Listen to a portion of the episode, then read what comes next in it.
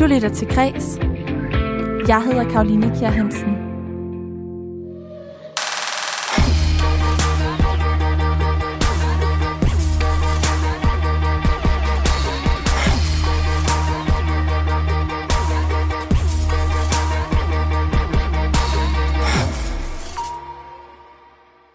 Det er blevet fredag, og her i dit daglige kulturprogram på Radio 4, der vender jeg ugen, der gik i kulturen. Det gør jeg som altid med tre gæster, som hver har taget en aktuel historie med. Og i dag, så er der et tema, som går igen i dem alle, og det er grænser.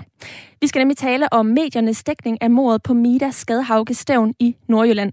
Den 22-årige kvinde har siden i søndags den 6. februar været savnet og eftersøgt, men i går der fortalte politiet, at de har fundet dele af et menneske i Dronninglund Storskov, som de formoder er Ida Skadhauke Stævn.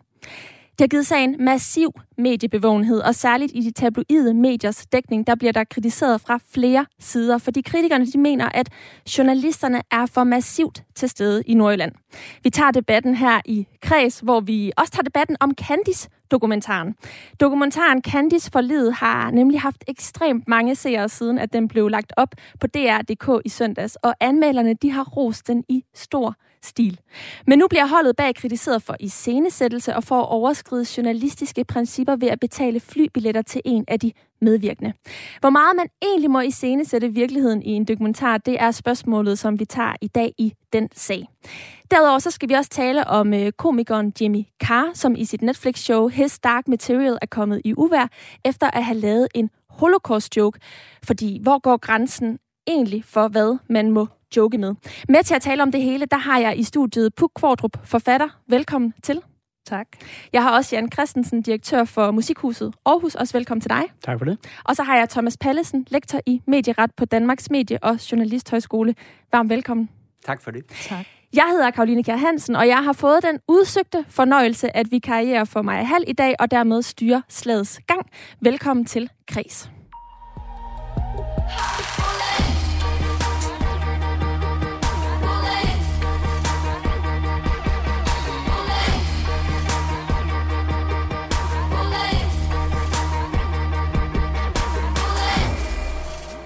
Og den første historie, vi skal tale om i dag, det er din historie, Puk Kvartrup.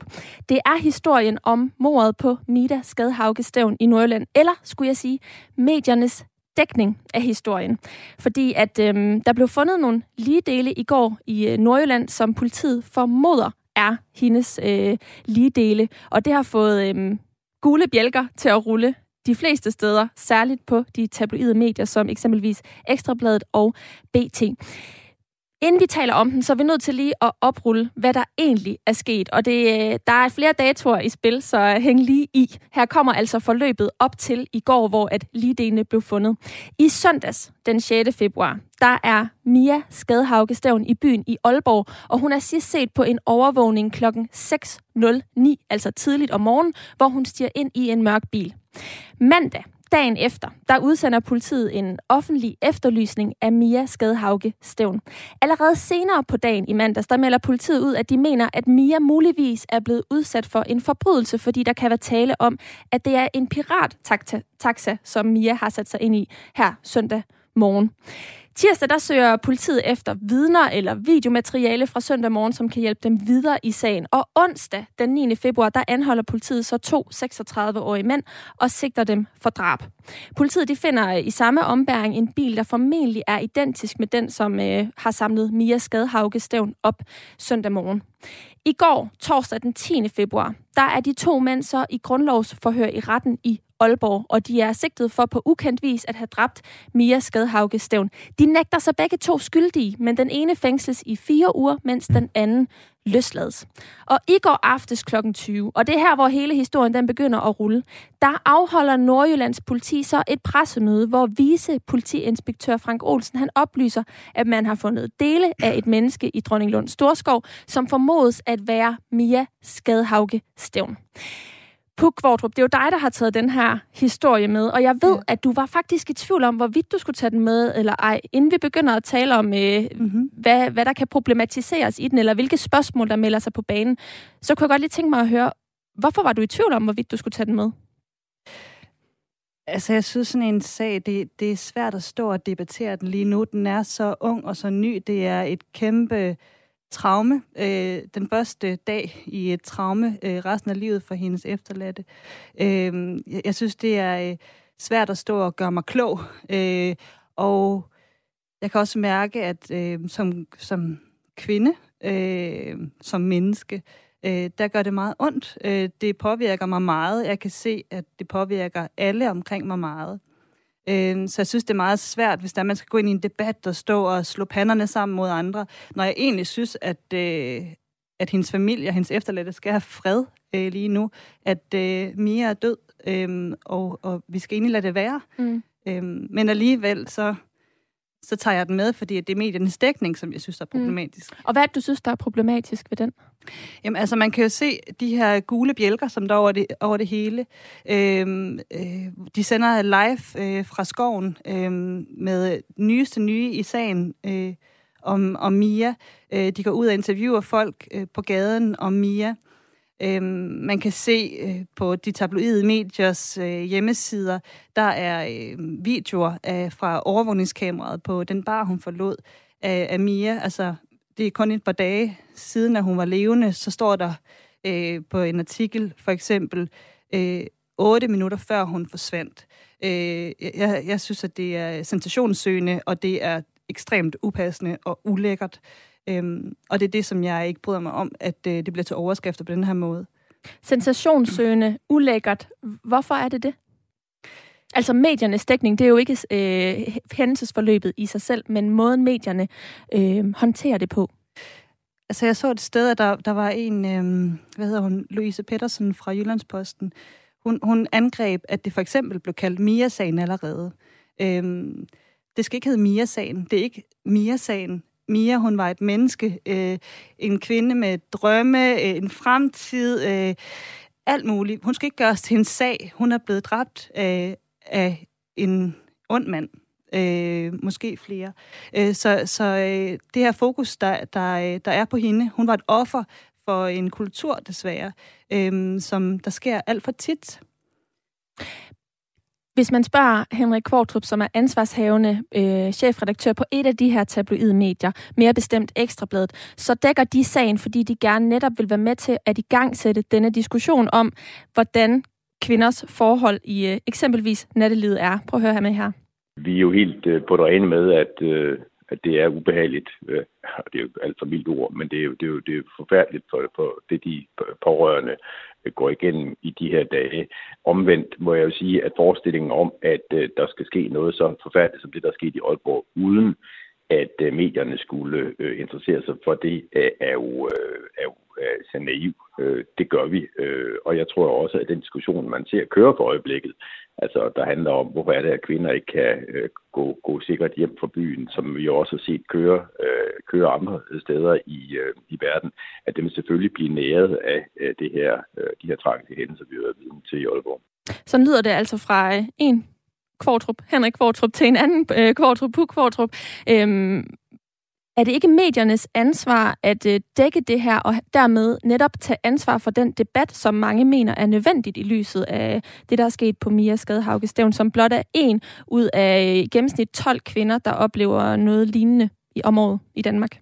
Jo, men lige med det samme. Altså, skal vi ikke give det fred? Øh, bare lige lidt. Skal vi ikke trække vejret? Skal vi ikke tillade os selv at være kede af det? Øh, skal hendes familie ikke lade os være i fred? Øh, det er naivt, siger han, at, øh, at, at tro, at medierne ikke skal tage det her op. Ja, fint. Så lad mig være naiv, men lad os give mennesker fred øh, i den her meget, meget svære øh, situation. Jeg, jeg kan blive så træt af, at vi siger, at det, det skal vi have lov til, at selvfølgelig skal vi det lige nu. Jamen, nogle gange skal man også bare lige træde et par skridt tilbage og være ked af det, i stedet for at man har ret til øh, alt det her lige nu. Og nej, jeg synes ikke, at det er nødvendigt, at vi skal se overvågningsvideoer. Jeg synes ikke, det er nødvendigt, at der er breaking-søjler over det hele. Ja, vi skal selvfølgelig høre om, øh, at der er begået øh, en forbrydelse, og hvis medierne kan være med til at opklare forbrydelsen ved at øh, lægge signalement øh, ud af, af, af de mistænkte eller, eller bilen, så synes jeg, det, det giver mening. Men øh, at der skal live-opdateres, det, så kald mig naiv. Mm. Men du bygger jo også øh, det her øh, udsagn eller standpunkt på, på egne erfaringer øh, ja. med, øh, med mediebevågenhed under øh, dødsfald. Øh, mere konkret er det en hændelse, som du oplevede tilbage i 2012. Vil du ikke fortælle om den? Jo, altså øhm, i 2012, der mistede jeg min, øh, min daværende mand. Han faldt om under et halvmarathon af et hjertestop. Øhm, det var en skrækkelig øh, begivenhed. Det var et skrækkeligt traume i mit liv. Jeg var gravid med vores andet barn, øh, og det er en frygtelig sorg, som jeg lever med i dag.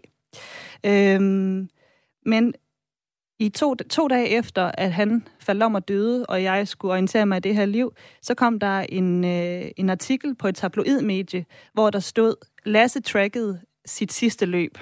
Og det var det her tabloidmedie, som der var i stand til at tabe sig ind i hans Endomondo-app. Jeg ved ikke, hvordan man gør det. De kunne tabe sig ind i hans Endomondo-app og se, hvor, hvor hurtigt han har løbet hver omgang, hvor meget han har trænet sig op til det her løb. At, øh, at øh, appen var rent ud til sidst, og han ikke havde bevæget sig, men den stadig løb, denne her, øh, øh, den her app. Øhm, og det er en artikel, som, da det var, jeg så det, det var jo, jeg var lige ved at sige, spark til en, der ligger ned. Jeg, jeg lå ikke ned, jeg var i frit fald. Altså, øhm, og, og det gjorde så frygteligt ondt. Jeg følte, at verden var imod mig. At man gjorde, den stod ovenikøbet under en overskrift krimi, fordi det var lidt spændende. Øh, at, at det blev til underholdning, min personlige tragedie. Og den artikel, den ligger der stadig. Jeg gik lige ind og kiggede på den i dag. Jeg har ellers ikke kigget på den i mange år, for jeg kan ikke holde det ud. Øhm, og den ligger der for stedse, så jeg kan se den, så Lasses familie kan se den, så mine børn kan se den en dag, når de er store nok til at klikke rundt. Lige så vel som alle de her artikler, de her breaking-artikler, øhm, de vil ligge der om Mia for evigt, så hendes familie kan se det. Mm. Øhm, og det gør mig så ondt. Ja, for, og jeg kondolerer med dit tab i sin tid. Du har jo også skrevet om, om uh, hændelsen eller oplevelsen med at miste din mand i uh, din meget glimrende romandebut fra 2019 uh, øh, ind i en uh, stjerne. Mm. Øhm, men forskellen er jo, at uh, her er der tale om en forbrydelse, hvor politiet også har haft brug for uh, befolkningens hjælp til at opklare forbrydelsen, og mest af alt også en forbrydelse, som jo gentager sig. Er det ikke mediernes ansvar at dække sager som denne? Jo, sobert. Jo. jo sobert. Og hvad er sobert? Jamen, det er, når det er, de skal efterlyse øh, ja, et, øh, et formodet øh, gerningsmand. Øh, og så træde et skridt tilbage, når det er, at der er fundet ligedele. Øh, er det sobert at stå ude i skoven? Nej, det synes jeg ikke. Lad os øh, smide den videre til øh, panelet. Thomas øh, Pallesen, du er lektor i medieret på Danmarks Medie- og Journalisthøjskole. Mener du, at medierne har dækket den her sag sobert? Ja, altså, det er jo sådan en situation her, hvor jeg næsten ville påkalde mig retten til at lade være med at udtale mig, fordi jeg jo næsten jeg ønsker at påtale mig retten til at nægte at udtale mig, fordi jeg jo er jo ansvarlig her. Ikke? Jeg har været med til at uddanne en række af de her journalister, og øh, hvis det her det har været for 20 år siden, så havde jeg selv stået for TV-avisen i den her skov mm. og fortalt om det her. Øh, og, og jeg bliver berørt både af, af Puks historie, men jeg er jo også berørt af hele situationen, og derfor er det letteste i verden for mig, at vil sige, ja, selvfølgelig skal vi alle sammen trække os tilbage. Vi skal ikke snakke mere om det her. Og hvis vi skulle tage konsekvensen af det, så skulle jeg heller ikke sige mere nu, for så skulle vi heller ikke snakke om det nu. Det synes jeg faktisk ville være en naturlig konsekvens af det. Men nu er emnet jo taget op, og øh, der vil jeg sige, at journalisterne, som dækker det her, de er jo underlagt presseetiske regler, der siger, at de skal behandle offer for forbrydelser og ulykker på en nænsom måde. Og, og der, vi har ikke hørt om andet, end, at det er sket. Ikke? Altså, der er ikke, vi har ikke hørt om forulempelser øh, af Idas familie. Så vi er nok nødt til, jeg synes, man er nødt til at spørge, hvem er skadet af mediernes dækning af det her? Ikke? Altså, hvad er det konkret, der er forkert? Hvad er det, der konkret er lidt skade? Og så tænker jeg, og det, det tænker jeg, det er vi nødt til at tale konkret om, mm. før at det giver ligesom mening at kritisere. Og så tænker jeg, at med sådan en situation her skal passe rigtig, rigtig meget på. Vi er mange af os meget kede af det her. Det betyder også, at vi er vrede. Og dem, man selvfølgelig skal være vrede på, det er de personer, der har dræbt den her kvinde. Øh, men den vrede, dem kan jo også være, de politiets varetægt, den ene af dem, muligvis i hvert fald, vi ved jo ikke, om vedkommende er skyldig eller mm. er det, men øh, vi har i hvert fald ikke adgang til dem, eller kan kommunikere med dem. Og så kan sådan en vrede der altså let ligesom bølge over, og så sige, så skyder vi på nogle andre. Og det kan i tilfælde her være journalisterne, fordi det ligger lige for, og så får kan man sige, at så bliver den vrede udløst til at være en utilfredshed med mediedækningen. Jeg siger ikke, at det er det, der er sket, men jeg siger bare, at vi skal være opmærksomme på den effekt der, øh, og så på den måde prøve at have tungen lige i munden og diskutere konkret. Mm. Hvad vil du lige svare på det, Puk? Øhm, ja, det, det, det genkender, gen, genkender jeg faktisk også det der med, at der nogle gange er rart at blive vred, i stedet for at være ked af det, når det er, det raser allermest. Jeg vil bare sige, at nu, øh, ni år efter, at jeg mistede min mand, og jeg kigger på den her artikel, så gør den stadig lige så meget ondt. Jeg bliver kastet lige så meget tilbage i det. Og de ting her, der bliver lagt, lagt op, de er der altså for evigt. Øh, og det kan vi jo ikke overskue, lige så vel som at øh, kommentarsporene også stikker af, som de jo altid gør. Øh, og, og, og det ligger der øh, for evigt. Øhm, Ja. Lad os skyde bolden over til øh, Jan Christensen, øh, direktør for øh, Musikhuset Aarhus. Der er jo sagt mange gode ting her, og øh, jeg tror, at øh, det kommer ind på, øh, hvilke, øh, hvilke interessenter vi kigger på. Familien, det er helt åbenlys. Det er et kæmpe, kæmpe sår, som bliver øh, åbent nu her meget hurtigt efter, om vi lever for evigt. Og derfor er den her pressedækning naturligvis ikke okay for dem. Så er der politi, der efterforskning, og som du også siger, der har vi jo en sag nede på Fyn for nogle år siden med en, der hed Emilie. Igen, som vi navngiver sagen efter ja. pigenavnet, mm. ikke også? I kan se, at jeg gør det med det samme igen, ja. fordi det er det, der er nemmest. Og der havde vi jo alle sammen indtryk af, at politiet sad på hænderne. Det gik alt for langsomt. Og der tror jeg, at øh, politiet har sagt, det her det skal gå stærkt, og vi skal frem for alt have involveret dem, der eventuelt kan bidrage til sagen, og så har de jo også den goodwill eller benefit ud af det, at, at, at de ikke får skudt i skolen, der ikke sker noget. Og der siger jeg, i hvert fald de første par dage, var jeg egentlig ikke pikeret over den dækning, fordi jeg tænkte, det har et formål. Jo mere information, jo større chance er for. Og det tror jeg også familien måske vi have sagt, hvis de havde fundet hende i live, ja. så havde den pressedækning faktisk været okay. Det er først, når de finder de her øh, frygtelige ting, at, at det går over stregen. Mm. Så er der offentligheden, og, og mig og mine unger derhjemme.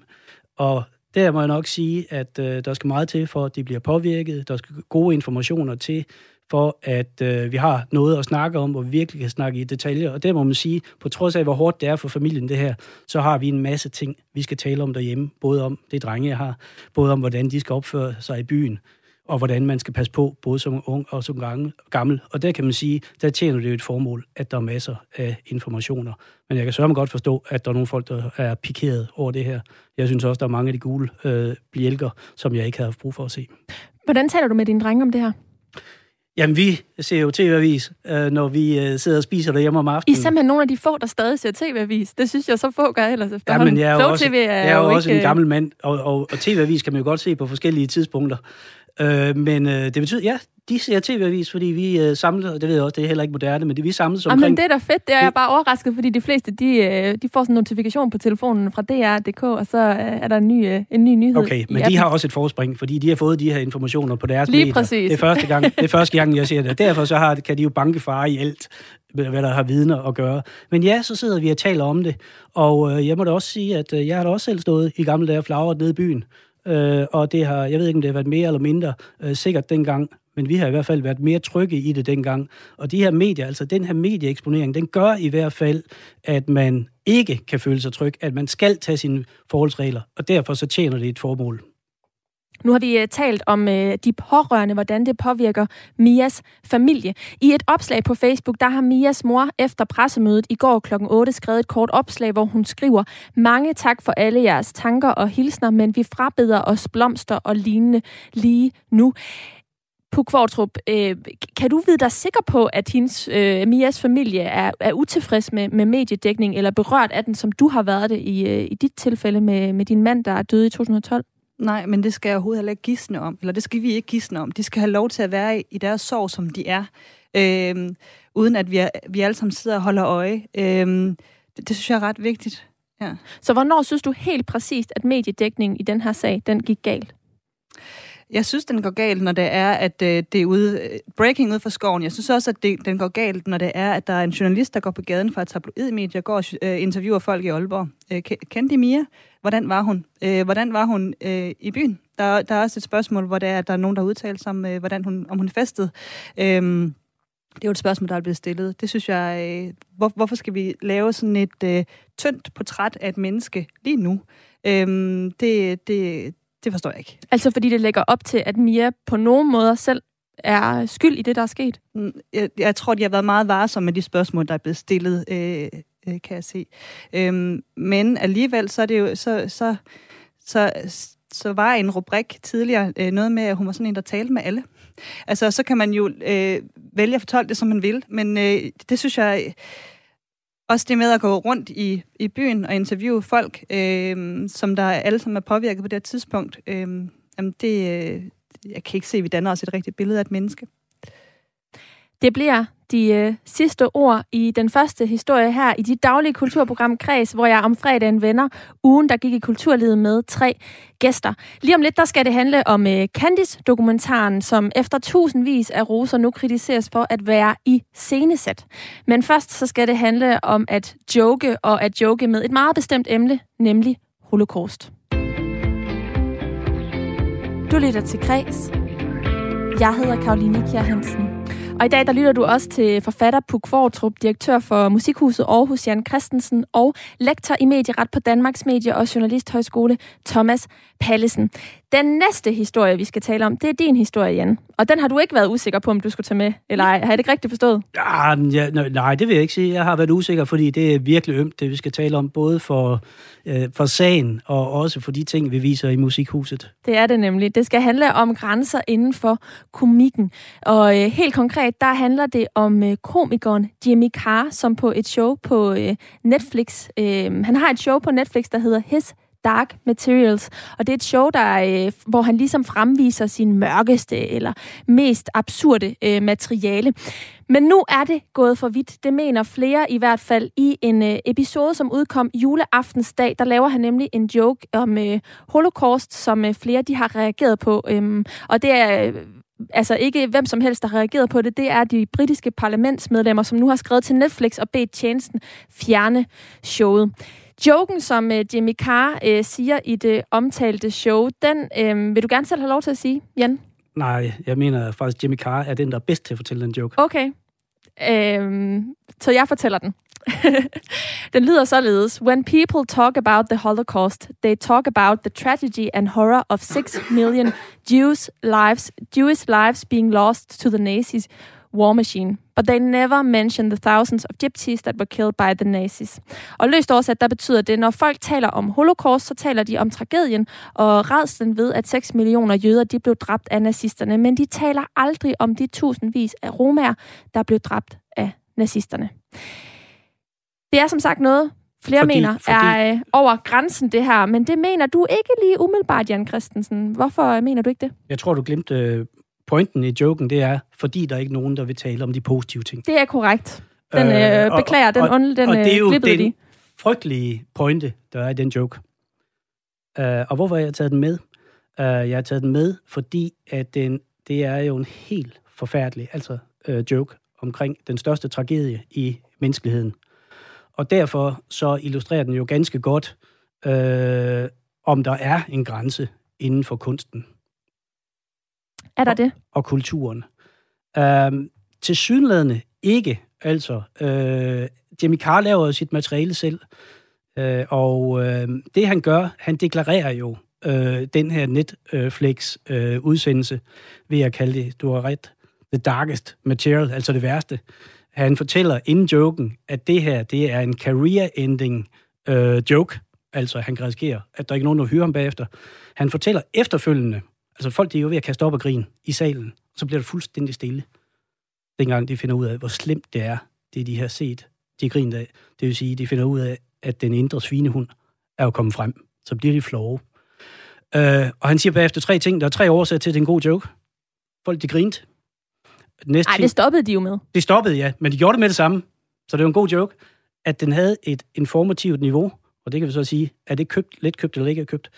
Og så den tredje ting, der er masser af mennesker nu her, ikke mindst på grund af debatten, som har fundet ud af, at det ikke kun var jøder døde i verdens største tragedie. Det var også romager, som vel nok er det mest forfulgte folkefærd i hele Europa. Spørgsmålet er jo så, om det er en career-ending joke. Øh, I hvert fald så har um, Musikhuset Aarhus ham på plakaten til efteråret, og det spørgsmål kan vi øh, få et svar på lidt senere. Allerførst så skal du lige svare klart på, synes du, den her joke er over grænsen eller ej, Jan Christen? Jeg synes, den er langt, langt over grænsen men det er kunstneren, der bestemmer, om den skal øh, fortælles. Så du synes ikke, det er forkert, at Jimmy Carr gjorde det? Jeg synes, at uh, inden for kunst og kultur, så skal vi passe på med at sætte regler. Altså det samme gælder, hvis der er teaterstykker, hvor der bliver nævnt, uh, hvad hedder det, folk, der boller på scenen, og der er alle mulige andre ting. Hvem er det, der skal bestemme, om det uh, er uh, noget, der skal vises på scenerne? Og der er, er vores uh, uh, kodex i musikhuset, hvis det er uh, høj kunst eller godt håndværk, det er det her. Han er, han er verdens bedste inden for sit område. Hvis, øh, hvis vi synes, at det er for øverste øh, hylde, og hvis det kan sælge billetter. I vores tilfælde, så er det jo mennesker, som har betalt 500 kroner for at komme ind og sidde i salen og høre vidigheder, som de udmærket godt ved er langt, langt, langt over stregen for øh, de fleste. Og derfor tager jeg det med i dag for at høre, om der er andre, som synes, at vi skal kuratere på den måde, så at sige, noget er for skrabt, og så er spørgsmålet, hvad er det, der er for skrabt? Men jeg ved også, at du faktisk er øh, lydhør over for argumenter i dag i forhold til, hvordan I skal tilgå den her øh, kunstner på scenen øh, i efteråret lidt senere. Det er jo en af de kunstnere, som I har i, øh, i anledningen af Musikhuset, øh, Aarhus Musikhus øh, 40 års jubilæum. Stort anlagt øh, program, I har. Men først så skal jeg lige høre de andre her i panelet. Hvis vi tager dig, Thomas Pallesen. Du er jo lektor i medieret på Danmarks Medie- og Journalisthøjskole. Er den her joke over grænsen? Juridisk set, øh, i en dansk kontekst, den er i hvert fald på grænsen. Jeg vil faktisk tro, at det er en overtrædelse af straffelovens paragraf 266, altså omkring racisme, altså at forhåne andre folkeslag, og i det her tilfælde forhåne romerne, romager. Og det er den jo netop fordi, at man siger pointen, nemlig at det er det kan være positivt, at man har slået en masse romager ihjel. For mig at se, at det, det kritisable i vidtigheden ikke øh, så meget, at man tager holocaust op, men det er jo, at man faktisk forhåner romager i dag, som jo er en udsat gruppe, og som jo er under angreb mange steder. Øh, og dermed er det stærkt problematisk, at man på den måde siger, det har sådan set været fint nok, hvis der var færre af dem. Så det er problemet i det. Øh, og, og ja, så, så jeg vil faktisk være i tvivl om, hvorvidt øh, man vil efter en ytringsfrihedsbetragtning faktisk vil kunne forsvare den her udtalelse efter, efter dansk og også efter europæisk ret. Øh, men, men det vil jo vise sig, hvis der er nogen, der melder den til politiet. Hvad synes du rent personligt? Jamen, jeg synes, at den er over grænsen. Det kommer jo meget an på, hvad kontekst den er i. Øh, og nu har jeg så faktisk øh, sat mig ned og set alle 45 minutter, og det var godt nok langt at komme igennem, ikke? Fordi den her... du kommer den, velforberedt. ja, det gør jeg. Men det var fordi, at før man når til den her joke, der skal man se 35 minutters platte vidigheder, som mest handler omkring, hvorvidt kvinder er barberet for neden eller ikke, og hvordan det så ser ud, og hvilke konsekvenser det måtte have. Altså virkelig sådan til høre, og hvor langt kan vi komme med sådan noget her. Altså, how low can we go? Og så kommer den her op for ligesom at demonstrere, at vi kan komme endnu længere ned. Vi kan komme endnu længere ned. Så ligesom et statement, en øvelse for at vise, at kunsten er grænseløs. Og det er jo selvfølgelig et interessant statement, men det kan ikke være rimeligt, at hverken holocaust, og, så kommer, og især ikke romaer, skal tages som gissel i det. Altså det mener jeg ikke, kunstneren har ret til over for romærerne. Han må få sit statement ud på en anden måde, uden at skade nogen. Ligesom medierne, øh, for eksempel Ekstrabladet, må kunne fortælle omkring nattelivet, uden at skade familien til den dræbte kvinde.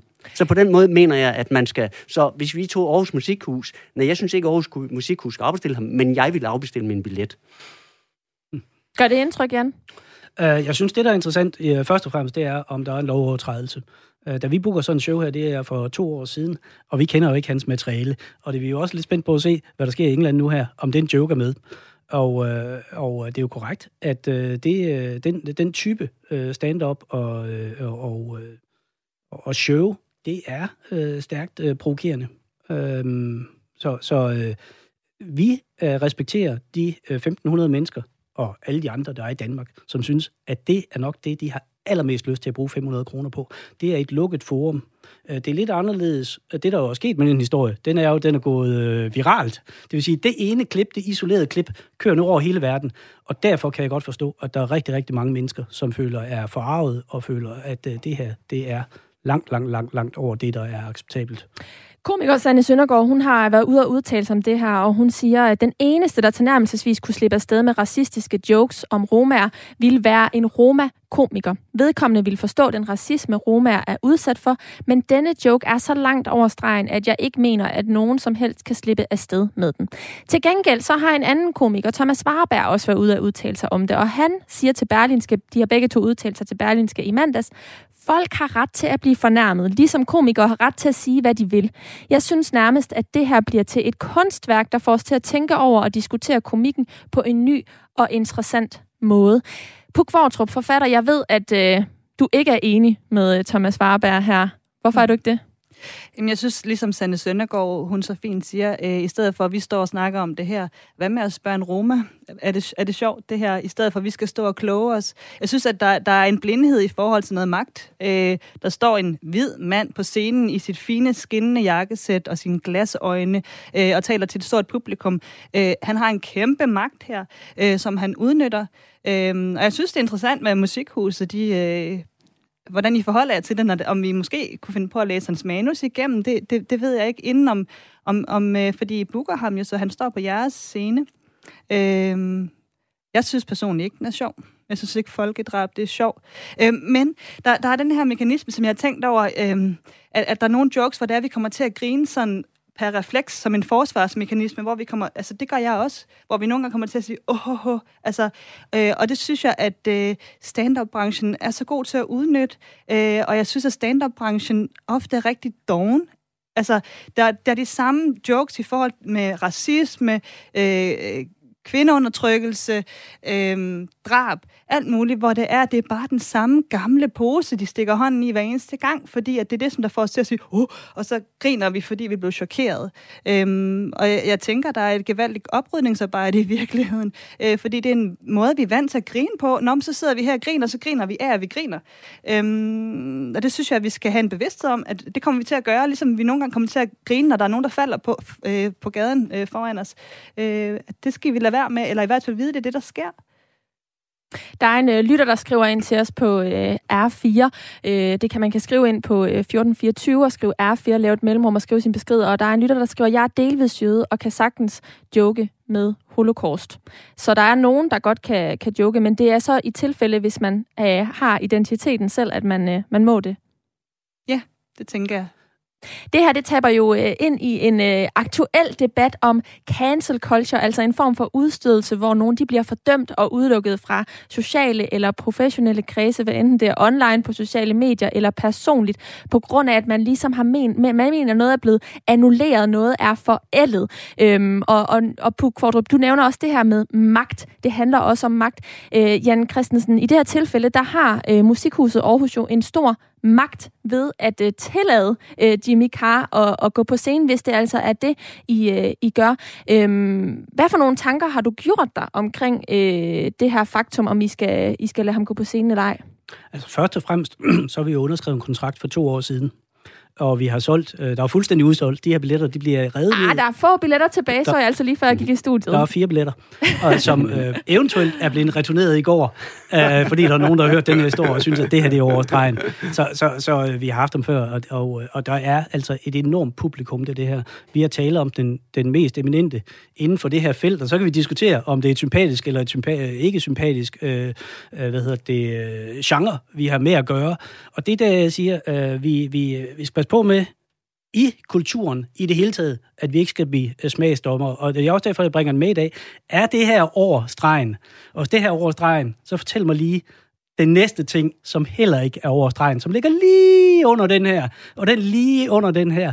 Og hvis vi skal følge Sande Søndergaard, er jeg så den eneste øh, øh, person, som må lave jokes om halvfede, halvskalede mænd i lykretøj, der kører på cykel.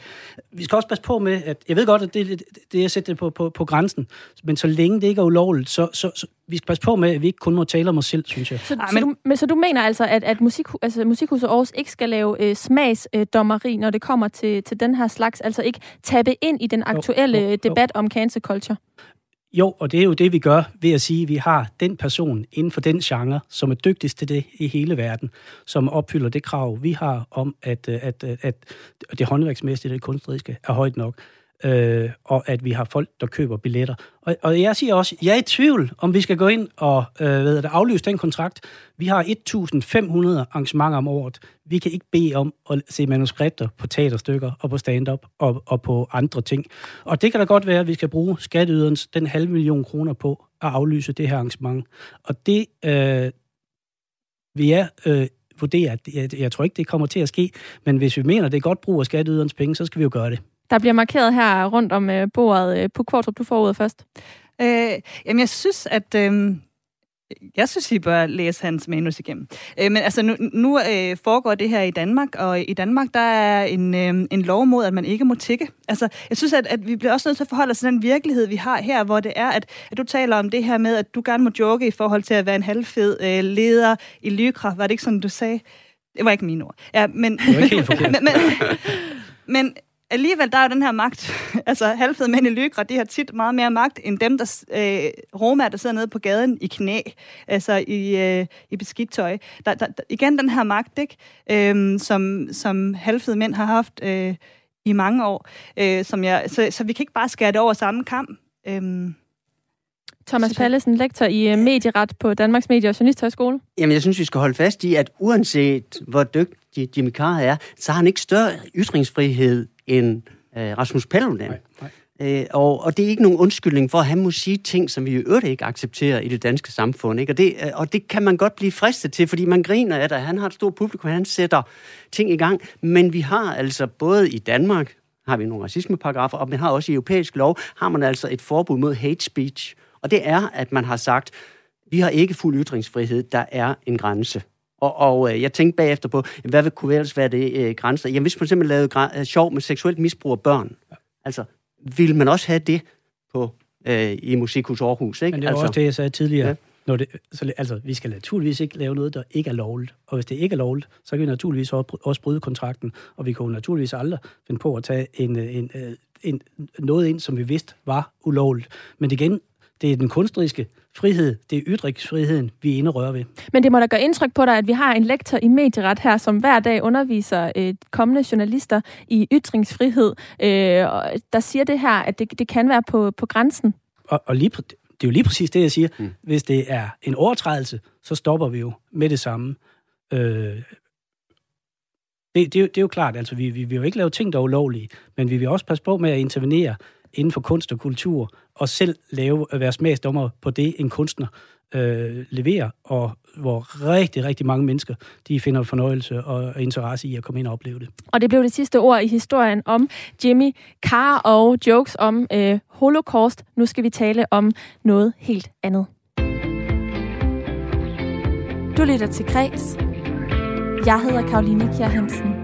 Og øh, det gør du øh, her på Radio 4, hvor jeg har øh, Puk Kvartrup, forfatter i studiet. Jeg har Jan Christensen, direktør for Musikhuset Aarhus, og Thomas Pallesen, lektor i medieret på Danmarks Medie- og Journalisthøjskole. Og som jeg sagde, så skal det handle om noget andet, øh, umiddelbart mere opløftende, nemlig Candice.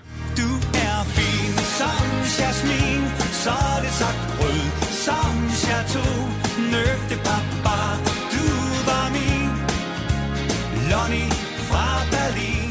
i søndags der frigav Danmarks Radio nemlig den dokumentar om Candice. Candice for livet hedder den, som havde biografpremiere sidste år, og den har rigtig, rigtig mange danskere set i løbet af ugen. Begejstring den har været stor, og det har den sådan set også været blandt øh, anmelderne sidste år, da den udkom øh, i efteråret. De kaldte den blandt andet gribende og grænseoverskridende intim. Det var altså positivt ment, vel at mærke.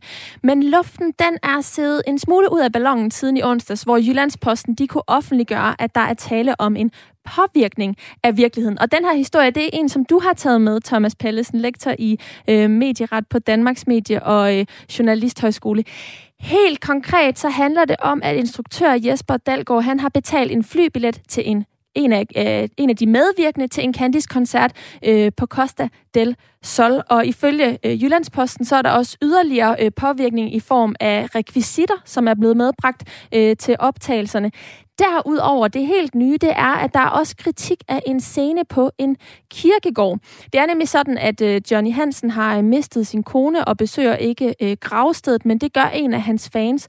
Og øh, der er altså nogen, der øh, mener, at det ligner, at han ligesom tager sig af det her gravsted hele tiden. I virkeligheden, så har han øh, kun besøgt gravstedet et par gange, øh, og det har anmelderne altså været ude og, og revse øh, øh, varedeklarationen øh, for, at det skulle have fremgået øh, tydeligere. Allerførst, øh, Thomas Pallesen, hvorfor har du taget den her øh, historie med? Jeg synes, det er fantastisk at se, hvordan en film, den først kan blive rost rigtig, rigtig meget, helt bredt, og derefter gerådet ud i en shitstorm på grund af noget, som set udefra kan forekomme at være en meget lille detalje, og som i øvrigt fylder meget lidt i filmen. Mm. Og, og fylder den øh, meget lidt i dit hoved? Nej, den, ja, både ja og nej. Jeg synes, øh, filmen er rigtig god. Det vil jeg gerne sige. Og, øh, og jeg synes, at... Øh, og, men jeg synes også, at det, at man har betalt den her tur, øh, er en fodfejl.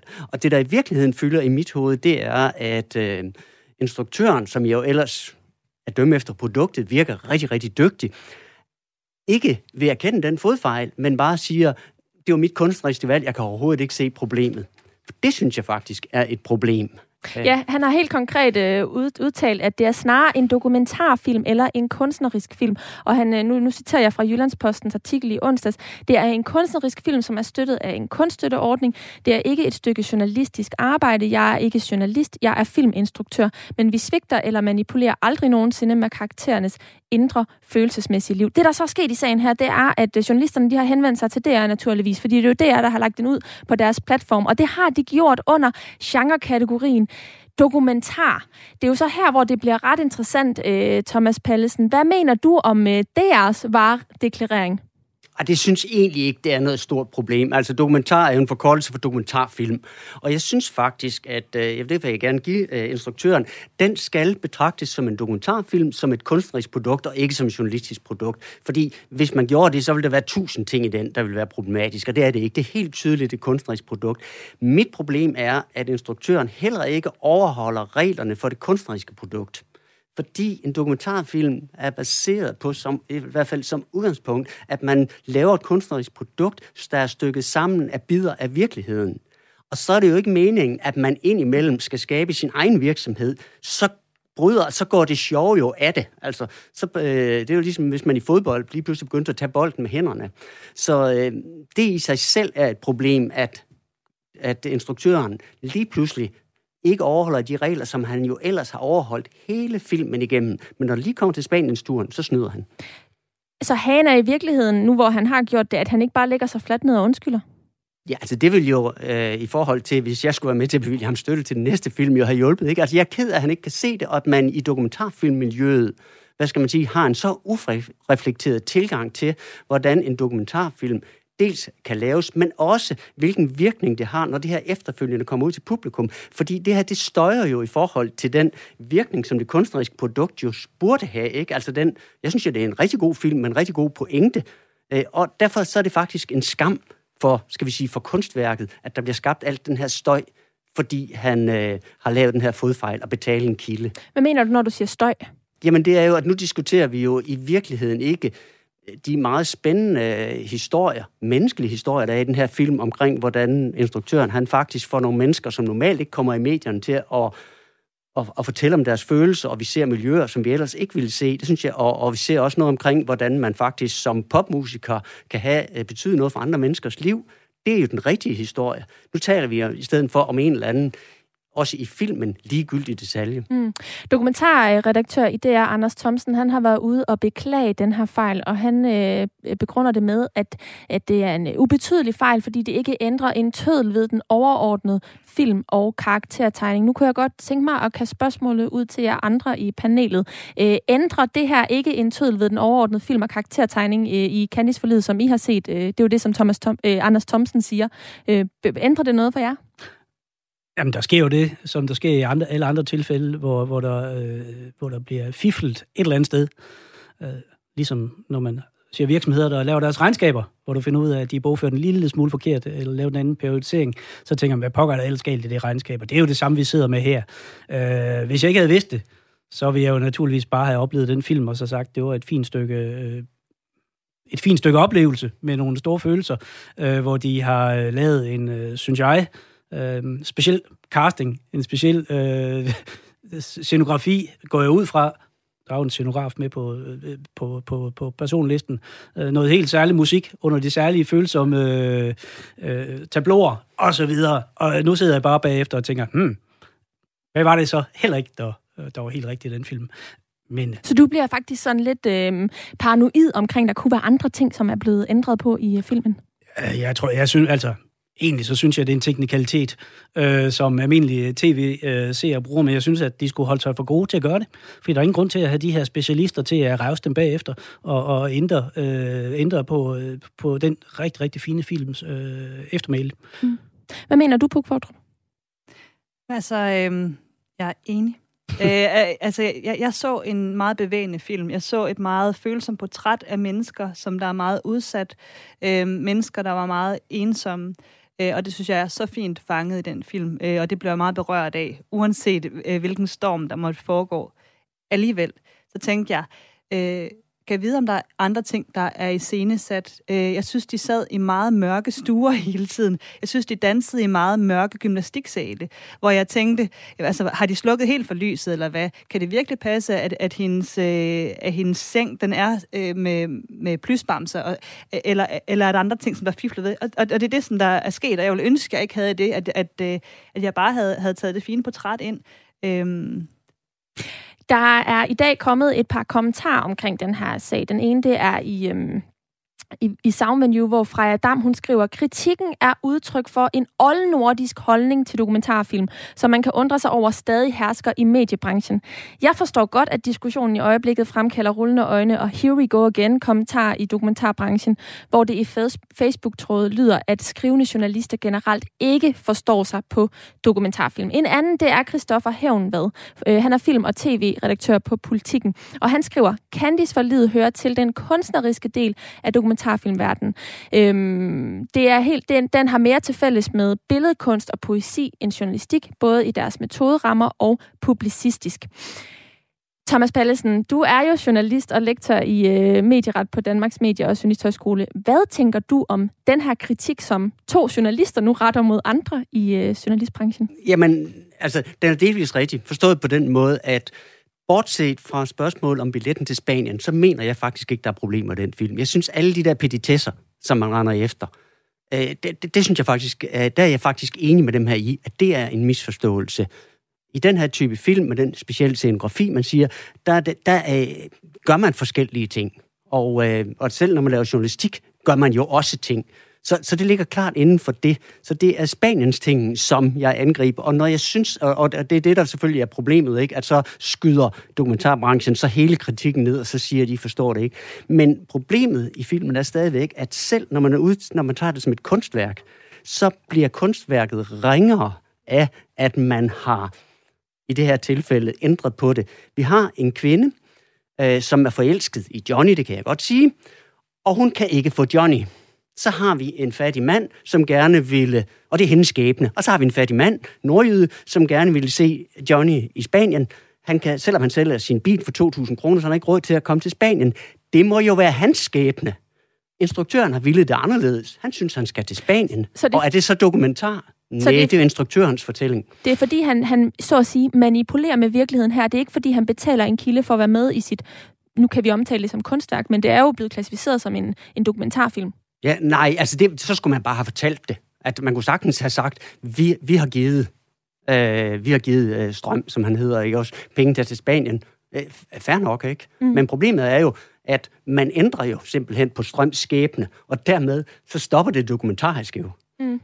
Har det sådan øh, grundlæggende ændret jeres syn på, do, på dokumentaren, at I har fået de her informationer at vide, hvis vi tager dig, Jan?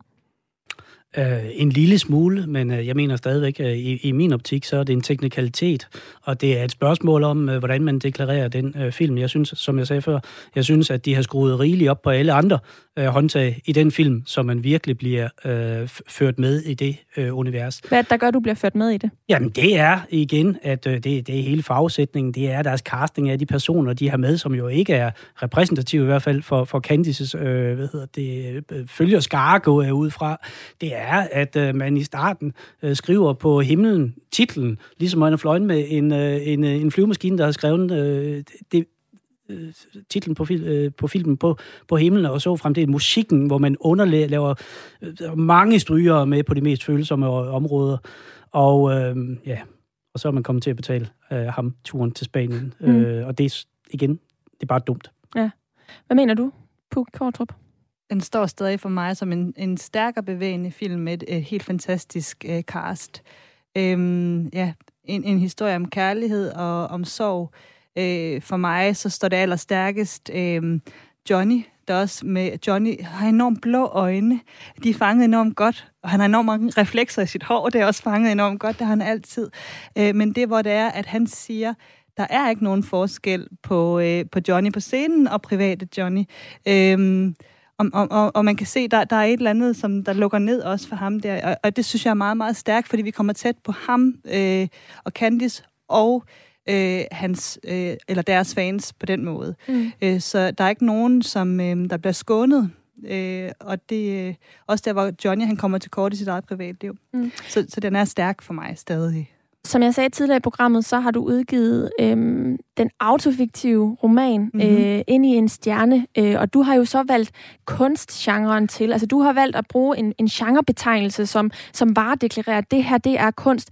Jesper Dalgaard, der er instruktør på, øh, på Candice øh, forlid, han har jo valgt dokumentargenren i første omgang. Øhm, hvorfor valgte du i sin tid øh, romangenren? Øhm, fordi det gav mig nogle friheder i virkeligheden. Øhm nogle gange, jeg tror også, at der er mange kunstnere, som der sidder, og de gider ikke rigtig de her diskussioner om genre. Altså, og vi sidder lige her med vores værker. Øh, vi sidder lige her og arbejder, Forstyr mig ikke. Jeg kan ikke putte en genre på det, jeg laver lige nu. Og det her det er et glimrende eksempel på, det skal vi. Altså, jeg havde heller ikke lyst til at putte en genre i virkeligheden på, men det skulle jeg, fordi det skal på omslaget. Øh, og så skal man kalde det autobiografi eller autofiktion. Og det er grimme ord i det, i det hele taget, de forstyrrer min forside. Øh, men, men, men det skal man, øh, fordi, at, fordi man som publikum øh, ved, ved, hvor man er henne. Øh, hvor meget jeg har, jeg har, som romanforfatter, så har jeg lov til at digte alt det, jeg vil. Du, Men nikker, der... du nikker, Thomas Pallesen. Jamen, det er fuldstændig rigtigt, ikke? Altså en genrebetegnelse. Og der er det jo så vigtigt at forstå, at, og det må, må publikum jo også forstå, og det gør, det er der jo så mange, der ikke forstår, at dokumentarfilmen har er en bred genre, og der er mulighed for at lave rigtig meget, inklusiv at manden han river en, en gårds, at han river på et gravsted og så videre. Så, så det synes jeg er fuldstændig rigtigt, ikke? At det skal man så også huske, at den går begge veje, den her. Og så vil jeg bare lige sige, at jeg synes, at for mig betød det her, at øh, jeg begyndte at kigge lidt efter, efter andre hår i suppen, men tilbage stod der en enorm god film, men den gjorde lige, at den efter den gamle skala, så faldt den lige for det der 13-tal, som den egentlig skulle have haft på en måde ned til et 11-tal, ikke? Altså fordi den lige manglede det der ekstra. Så øh, god synes jeg faktisk så også, den var, altså det vil jeg sige. Og øh, når man taler om solen, så kommer her, når jeg tænder et lys i mørket af Candice.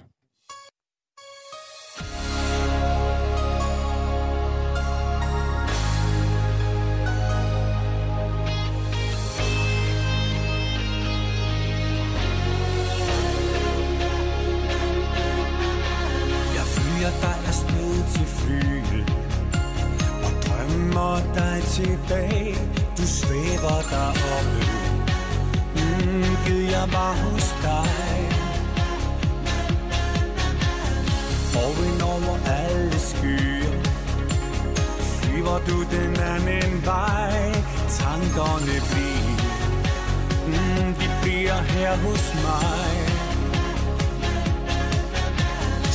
Giver jeg dig et tegn. Se op mod Mælkevej. Når jeg tænder lys i mørket Og når stjerner blinker ned Tænker jeg på dig, min engel. Du min store kærlighed.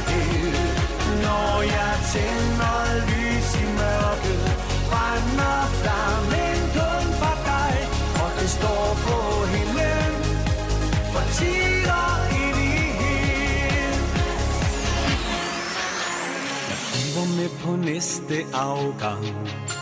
Mit yndlingsrejsemål Hvor end du er Så vil jeg banke på. Vi ved, hvor vi er Og vi vil altid mødes. For lige meget hvor du er. Mm, Er det der Hvor jeg skal være?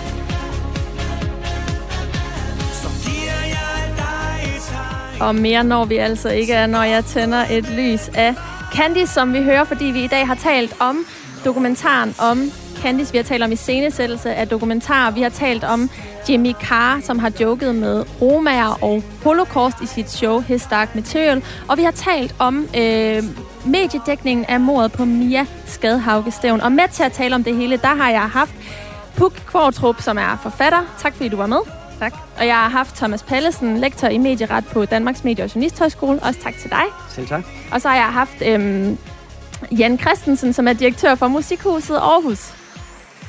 Jeg vil også sige tak til dig, der har lyttet med. Det er Kreds, du har lyttet til. Og lige om lidt, så er der en omgang fredagsmissionen. Hvis du ikke hørte hele programmet her, så kan du finde det som podcast, der hvor du plejer at lytte til podcast. Du skal blot lytte, søge efter Kreds. Og ellers så vil jeg ønske dig en rigtig god eftermiddag.